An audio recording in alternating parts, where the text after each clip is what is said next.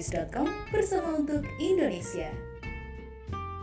Halo, apa kabar Sobat Holopis? Seperti biasa, hari ini saya akan membacakan beberapa berita untuk Anda. Yang pertama, datang dari vaksin Pfizer. Perusahaan farmasi vaksin asal Amerika Serikat Pfizer Inc. mengatakan bahwa pandemi COVID-19 bisa berlangsung hingga 2023 dan Pfizer juga mengumumkan akan mengembangkan tiga dosis vaksin untuk anak usia 2 hingga 16 tahun. Menurut eksekutif Pfizer pada 2024, COVID-19 akan menjadi endemi di seluruh dunia, yang artinya tak akan ada lagi pandemi. Diketahui sebelumnya muncul varian terbaru virus corona Omicron dan pakar penyakit menular Amerika Serikat Anthony Fauci memperkirakan bahwa pandemi akan berakhir pada 2022 di Amerika Serikat.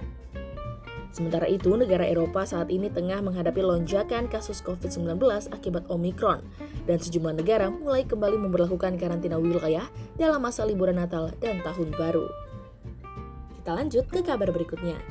Kementerian Keuangan berpartisipasi dalam rangkaian kegiatan Expo 2020 Dubai yang digelar di Pavilion Indonesia pada tanggal 17 hingga 23 Desember 2021 mendatang.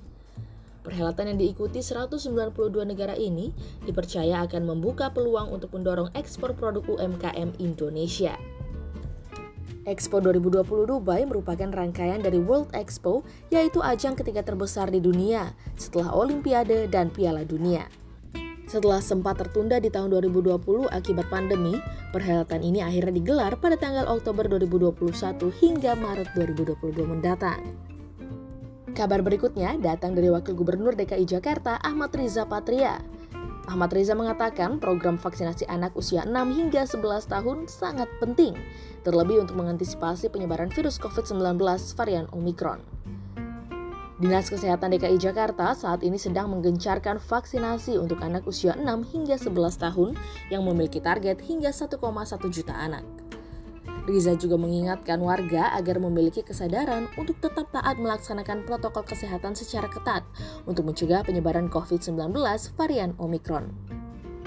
Riza berharap penyebaran COVID-19 varian Omicron di Jakarta bisa dicegah semaksimal mungkin. Kali ini kita lanjut ke berita hiburan. Baru beberapa hari tayang, Spider-Man No Way Home berhasil meraup keuntungan sebesar 181,4 juta dolar atau sekitar 2,6 triliun di box office internasional. Jika film yang dibintangi oleh Tom Holland ini dapat mencapai 500 juta dolar pada pembukaan secara global, maka Spider-Man No Way Home akan menjadi film keenam yang pernah mencapai angka fantastis itu sepanjang sejarah. Dilansir dari Deadline, meskipun masih menuju 500 juta dolar, ini merupakan kesuksesan terbesar sebuah film selama pandemi COVID-19. Film yang juga dibintangi oleh Zendaya, Benedict Cumberbatch, Marisa Tomei, Alfred Molina, dan lain-lain ini tengah menjadi perbincangan hangat di media sosial. Bagaimana tidak, film yang disutradarai oleh John Watts ini adalah film superhero yang paling ditunggu sepanjang 2021 dan punya tiga kejutan. Sobat Holopis udah nonton belum? Jangan sampai kena spoiler ya. Itu dulu rangkuman berita dari saya, Brenda Iskarina.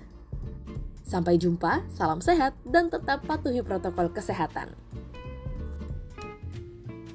Holopis.com bersama untuk Indonesia. Halo Sobat Holopis, apa kabar ini? Saya Ronald Steven, balik lagi di program kesayangan kita di Cabi atau baca berita di holopis.com. Beberapa berita pilihan sudah kita siapkan, baik dari dalam negeri ataupun juga dari luar negeri yang kita siapkan khusus untuk Anda, para sobat holopis. Langsung kita ke berita dalam negeri dulu nih, di mana lolos ke semifinal, timnas Indonesia akan berhadapan dengan Singapura. Ya, di mana timnas Indonesia sukses mempermalukan Malaysia dalam laga pamungkas Grup B Piala AFF Suzuki 2020 di Stadion Nasional Singapura tadi malam ya. Asnawi Mangkualam dan kawan-kawan menang telak dengan skor 4-1. Lewat kemenangan tersebut mengantarkan Indonesia sebagai juara grup B dan memaksa Vietnam sebagai runner-up. Dan sebenarnya poin kedua tim sama namun timnas Indonesia unggul produktivitas gol atas Vietnam. Di babak semifinal yang akan digelar di stasiun Stadion Nasional pada Rabu mendatang, Indonesia akan ditantang runner-up grup A Singapura, sedangkan Vietnam akan menghadapi Thailand. Untuk semifinal kedua melawan Singapura akan berlangsung pada Sabtu, sedangkan semifinal kedua antara Vietnam dan Thailand berlangsung pada hari Minggu. Dan babak final juga akan berlangsung dua kali pada Rabu dan juga Sabtu. Dan kita doakan ini semoga nanti sukses ya timnas kita menang di piala tersebut ya dan bisa mengharumkan nama bangsa. Lanjut kita ke berita dalam negeri. Ini masih e, mengenai atau juga dari berita Polhukam nih.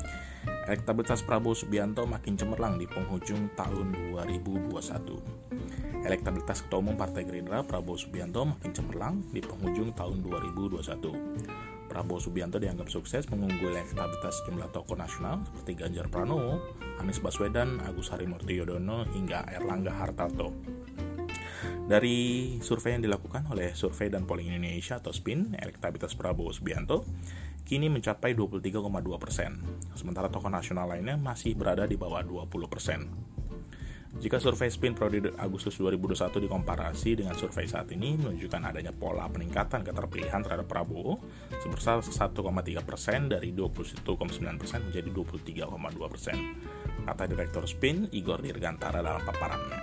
Wah, ini semakin kejar-kejaran terus ya menjelang pemilu nanti di 2024. Dan berita selengkapnya mengenai hasil survei tadi bisa Anda saksikan ataupun baca selengkapnya di holopis.com. Kita ke berita luar negeri, di mana ini varian Omicron COVID-19 menyebar cepat di Italia. COVID-19 varian Omicron menyebar dengan cepat di Italia dan Italia melaporkan total 84 kasus varian Omicron meningkat dari 55 kasus. Institut Kesehatan Italia mengatakan bahwa tambahan 33 kasus ditemukan di wilayah Lombardi dan 20 kasus lain ditemukan di Campania. Kepala ISS Silvio Brusavero mengatakan bahwa penyebaran Omicron telah diprediksi sebenarnya kita mungkin akan mengalami peningkatan kasus dalam beberapa hari ke depan, kata Silvio dikutip dari Reuters. Italia sendiri merupakan negara barat pertama yang terkena pandemi COVID-19 pada tahun lalu.